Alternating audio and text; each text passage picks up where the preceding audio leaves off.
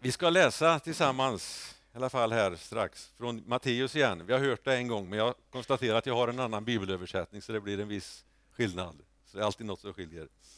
Men det läser vi i alla fall om hur Jesus han rider in i Jerusalem. Och han möts av människor som hälsar honom välkommen som kung. Man hyllar och man sjunger och man tillber honom. Hosianna, Davids son. Välsignade han som kommer i Herrens namn, sjunger man. Det är en söndag. Fem dagar senare, på fredagen, så står människorna, kanske samma människor, det är ju mycket troligt, vid Pontus Pilatus och ropar korsfäst honom, korsfäst honom. Fem dagar så vänder det från att vara hyllad som kung till någon som man vill se död. Vad är det som händer egentligen? Vi läser ifrån Matteus 21 igen. Och från vers 1. När de närmade sig Jerusalem och kom till Betfage vid Olivberget, då sände Jesus iväg två lärjungar och sa till dem, gå in i byn där framför er. Där ska ni genast finna en åsna som står bunden och ett föl bredvid sig. Ta loss dem och led dem till mig. Och om någon säger något till er ska ni svara, Herren behöver dem och han ska strax skicka iväg dem. Detta hände för att det var som sagt genom profeten skulle uppfyllas. Säg till dottern Sion, se din konung kommer till dig, ödmjuk och ridande på en åsna, på en arbetsåsnas föl. Och lärjungarna gav sig iväg och gjorde som Jesus hade befallt dem. De hämtade åsnan och fölet och la sina mantlar på dem och han satt upp.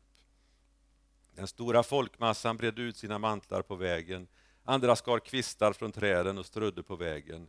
Och folket, både de som gick före honom och de som följde efter, ropade Hosianna, Davids son, välsignad är han som kommer i Herrens namn. Hosianna i höjden. Jesus han kom hit ner för en hel värld, för hela världen, för att världen skulle kunna frälsning genom honom. Men det är ändå så att på det personliga planet, när vi står öga mot öga mot honom, när vi möter honom på tu man hand, så att säga, det är då det här avgörandet sker, det är då undret sker. Det är då man går från död till liv, när man tar emot honom. Och Jesus han kom hit ner för att ge sitt liv, för att ge dig liv. Och Det står i Johannes 1 och 12 att var och en som tar emot honom ger han rätten att bli Guds barn. Var och en som tar emot honom ger han rätten att bli Guds barn. Och den som tror på honom och på hans namn. I versen innan där i Johannes så står det att han kom till sina egna men de tog inte emot honom. Till sina egna. Och det är ju så, som vi sa här i Jerusalem, att någonting händer någonstans där. Från att vara hyllad och varmt välkomnad till att bli den som man önskar att se korsfäst. Och Vi ser det på andra ställen i Bibeln också. Till att börja med så hyllar man och tar emot Jesus. Sen händer någonting och man vänder sig emot honom. Men i början så välkomnar man Hosianna, Davids son. Välkommen. I vers 5, där vi läste precis, så står det Se din konung kommer till dig. Se din kung kommer till dig.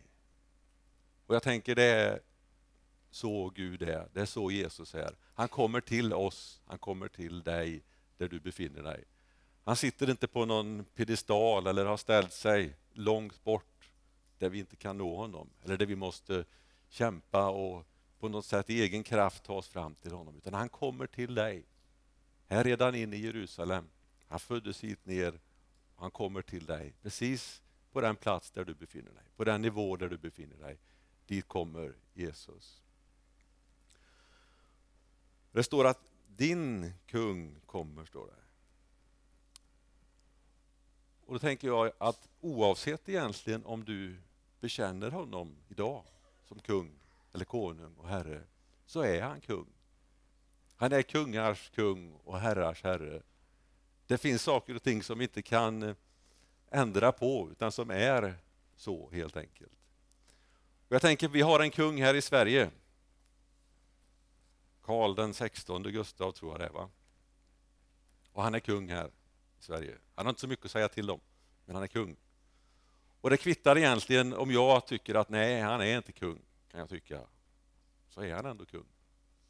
Och det kvittar vad jag målar upp för bild eller vad jag stänger in mig i för bubbla på något vis, så är han det. Det spelar ingen roll vad jag tycker. Och detsamma med Jesus, Guds son. Han är kung. Han är herrars herre. Det spelar ingen roll vad jag säger eller om jag bekänner det eller inte, så är han det. Han är kungars kung och herrars herre. Det är en absolut sanning. Allting är inte relativt, om vi ofta säger så.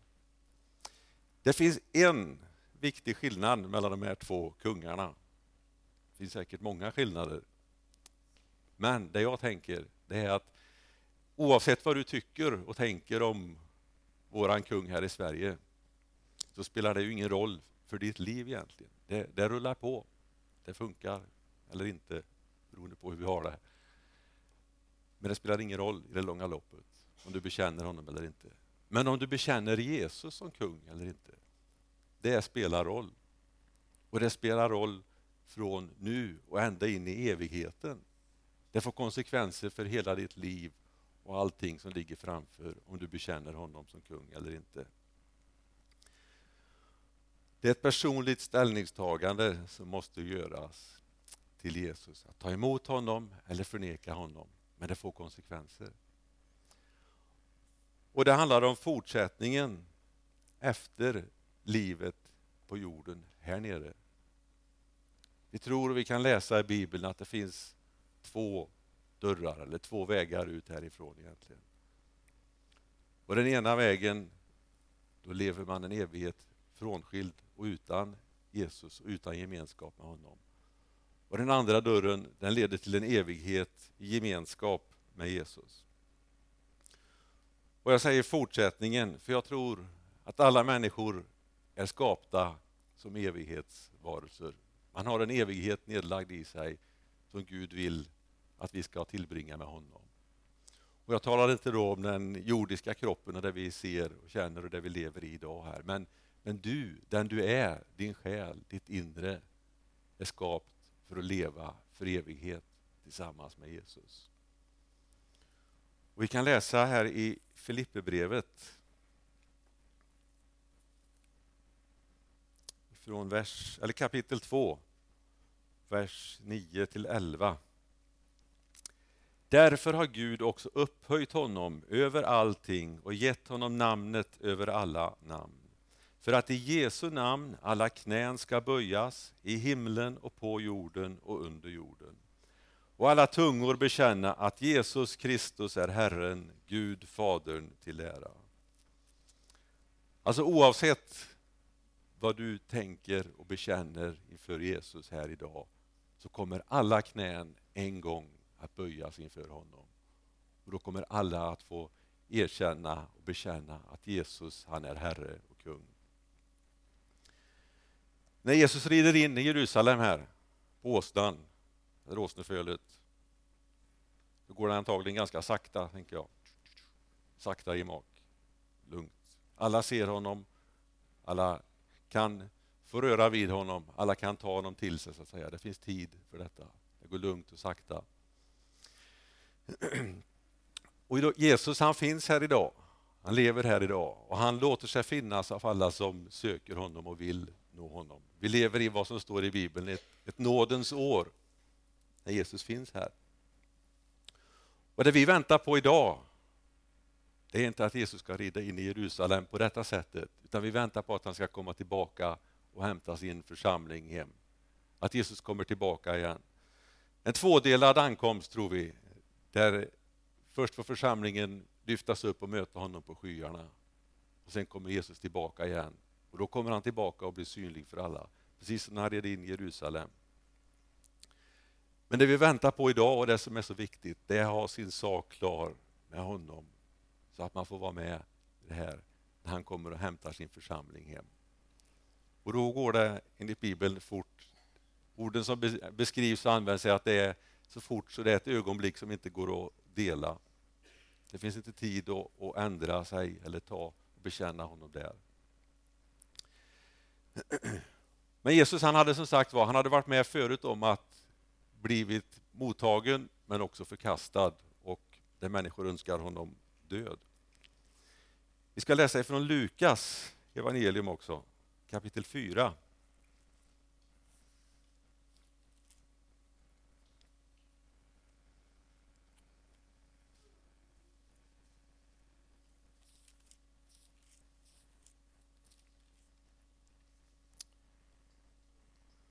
Då står det så här, vi läser vers 16 till 21 och sen hoppar vi över några verser och läser 28 till 30.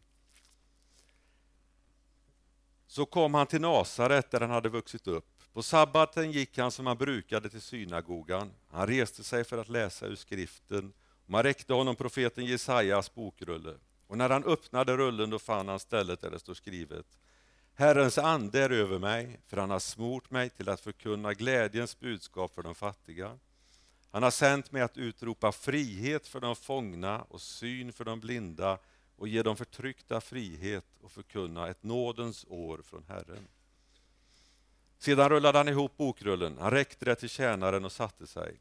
Och alla i synagogan hade sina ögon fästa på honom. Och då började han tala till dem. Idag har det här stället i skriften gått i uppfyllelse inför er som lyssnar. Nu hoppar vi vidare. Och alla i synagogan fylldes av vrede när de fick höra detta. De reste sig och drev ut honom ur staden och förde honom fram till branten av det berg där deras stad var byggd för att kasta ner honom. Men han gick rakt igenom folkhopen och vandrade vidare. I sin egen hemstad, i Nasaret, synagogan, predikar Jesus vid ett tillfälle. Och Det är väl i den synagogan som han har vuxit upp i, där han har suttit och fått ta till sig skrifterna han har lärt sig. Han känner allt folket, han vet vilka det är, han har suttit där många gånger.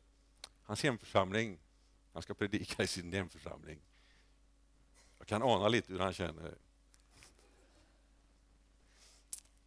Skräckblandad förtjusning och glädje. Sådär. Ja, det är gott. Det slutade illa här, som vi såg. De drev ut honom. Jag har inte känt så här än. Men traditionen här det var att olika personer vid de här samlingarna i synagogan fick gå fram och läsa ifrån skrifterna.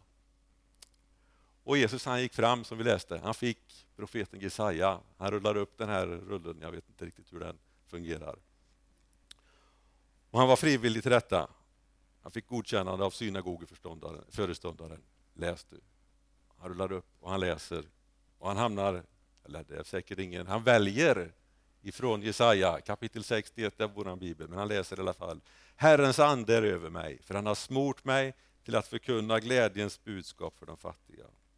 Han har sänt mig att utropa frihet för de fångna och syn för de blinda och ge de förtryckta frihet och förkunna ett nådens år från Herren. Han rullar ihop bokrullen, lämnar tillbaka den. Och Jag kan tänka mig att det är väldigt tyst där. Alla undrar vad som kommer sen. Alla har sina ögon fästa på honom, står det. På honom. Det är ingen som sitter och facebookar och telefoner som ringer eller något, utan alla tittar på Jesus. Han är i centrum, synagogan. Och så säger han, idag har detta skett. Idag har det här uppfyllts inför er, inför era ögon här nu idag har detta uppfyllts. Och Jag kan tänka mig att det går ett sus genom de som sitter här och de undrar, vad kommer nu? De förväntar sig kanske att han ska göra något under, något tecken, någonting som bekräftar detta på något vis. De har ju tagit emot honom som Josefs grabb, Josefs pojk. Liksom. De vet ju vem han är. Han var välkommen. Men han gör ingenting. Han förekommer församlingen och talar i princip om att jag kommer inte göra några under och tecken här. Gud älskar en människa som kan tro på honom utan att jag behöver göra någonting. Ungefär så tror jag man kan tolka detta.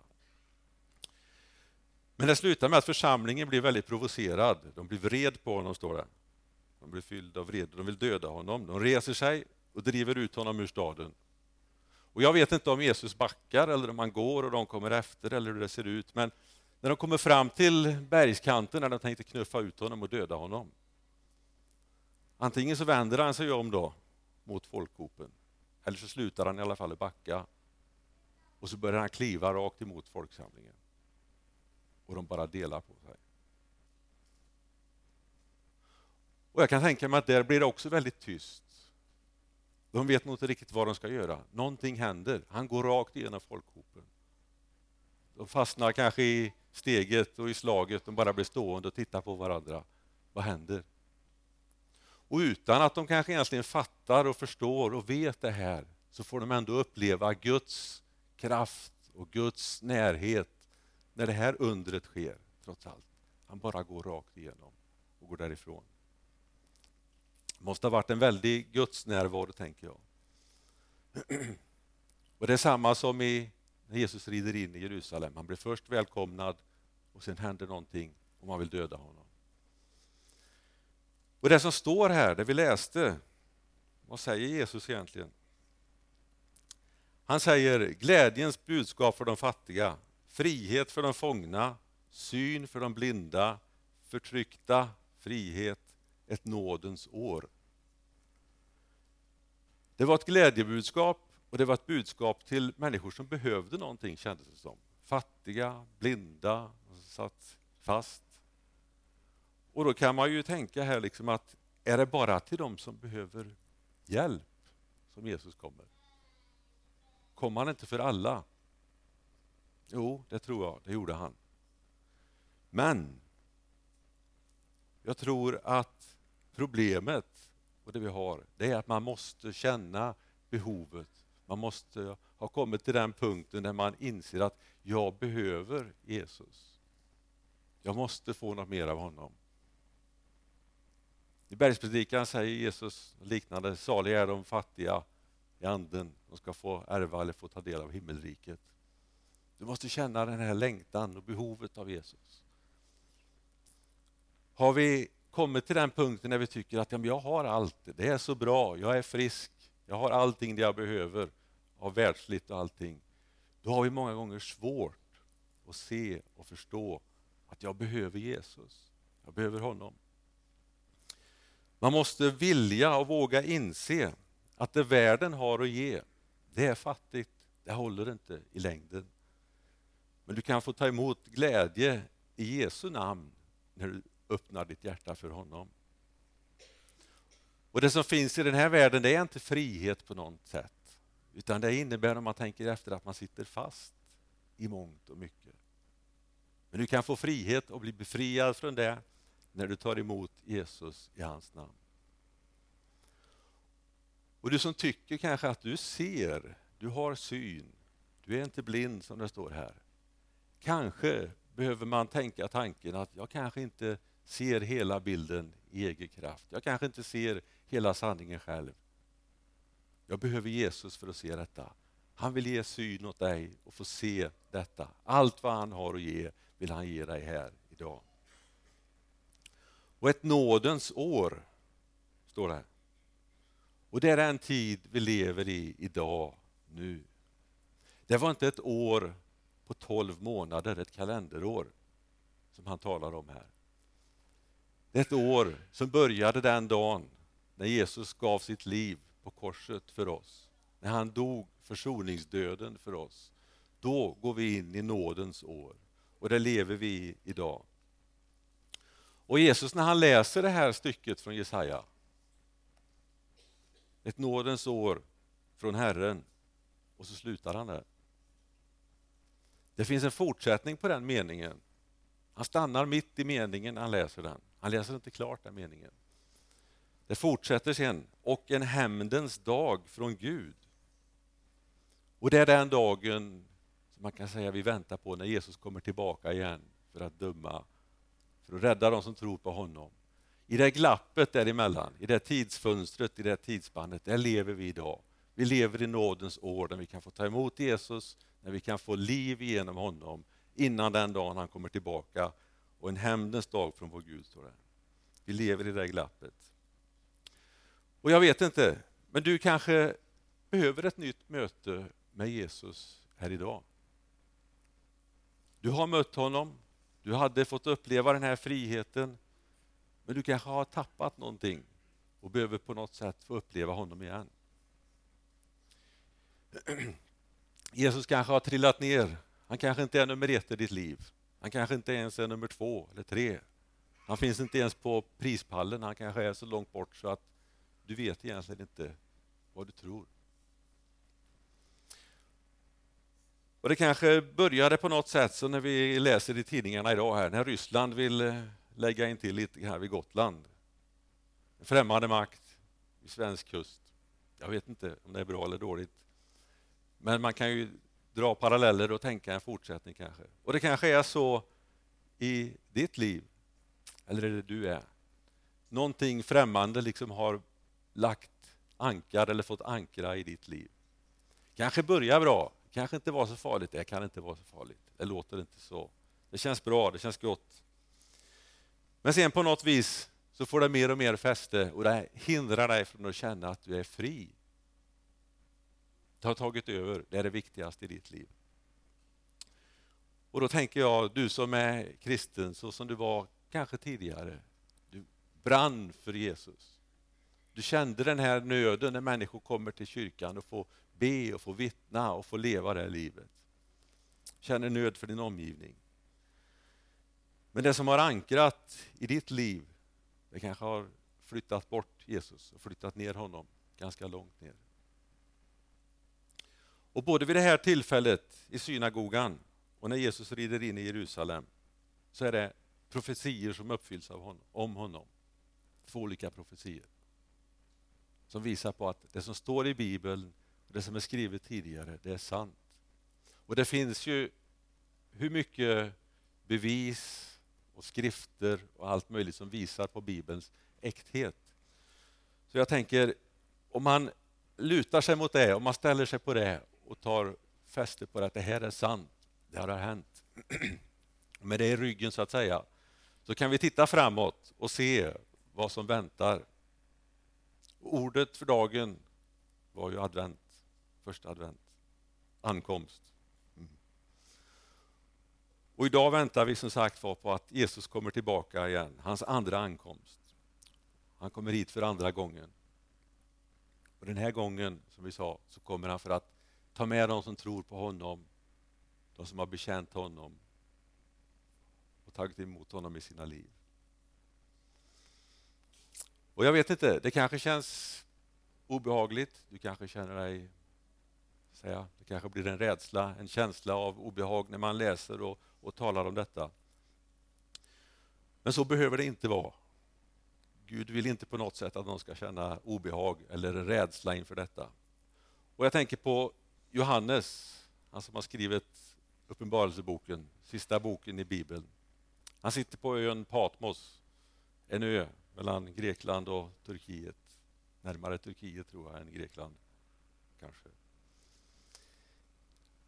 Han får ett möte med Jesus. Jesus kommer och uppenbarar sig för honom. Och han blir rädd. Han faller på knä och liksom, jag tror han blir skräckslagen. Men Jesus han sträcker ut sin arm, lägger den på Paulus, eller Johannes och säger det. Var inte rädd. Säger han. Var inte rädd. När vi möter Jesus, när vi får möta honom, så vill han ta bort all eventuell rädsla. Det kan nog vara omvälvande och det kan vara, skapa känslor och tankar när man möter honom. Men Jesus han vill alltid sträcka ut handen och säga, var inte rädd. Det är hans budskap. Och när han får tala in i ditt inre och tala frid in i ditt inre, då kan du få uppleva den här friheten, få ta del av det här nådens år, få bekänna honom. För Jesus han vill inte bara vara den här snuttefilten som man kan plocka fram och sätta sig i knät hos när man kanske har det jobbigt och tufft. Han vill vara den som är med varje dag. Han vill vara den som du bygger ditt liv på. Han vill vara den fasta grunden och den klippan som du varje dag när du vaknar och går upp får ställa dig på och känna att han är allt i ditt liv. Och himlen, eller försmaken av himlen kanske man ska säga, den kan vi få uppleva här nu om vi tar emot honom. Det är ingenting vi behöver vänta på, utan den här evigheten, det eviga livet med honom, det kan få ta sin början här och nu, idag, om vi tar emot honom. Och då är det ingenting att vi behöver frukta döden på något sätt. För döden är egentligen bara början på evigheten. Den evigheten som vi inte ser idag här, men vi vet finns. I Uppenbarelseboken 3 och 20, vi har snart gått igenom hela Nya Testamentet, Matteus Uppenbarelseboken, kort variant. Så står det, se jag står vid dörren, säger Jesus i ett brev till Laodicea. Och om någon hör min röst och öppnar så vill jag komma in och hålla måltid och sitta ner och äta med dig, eller med honom.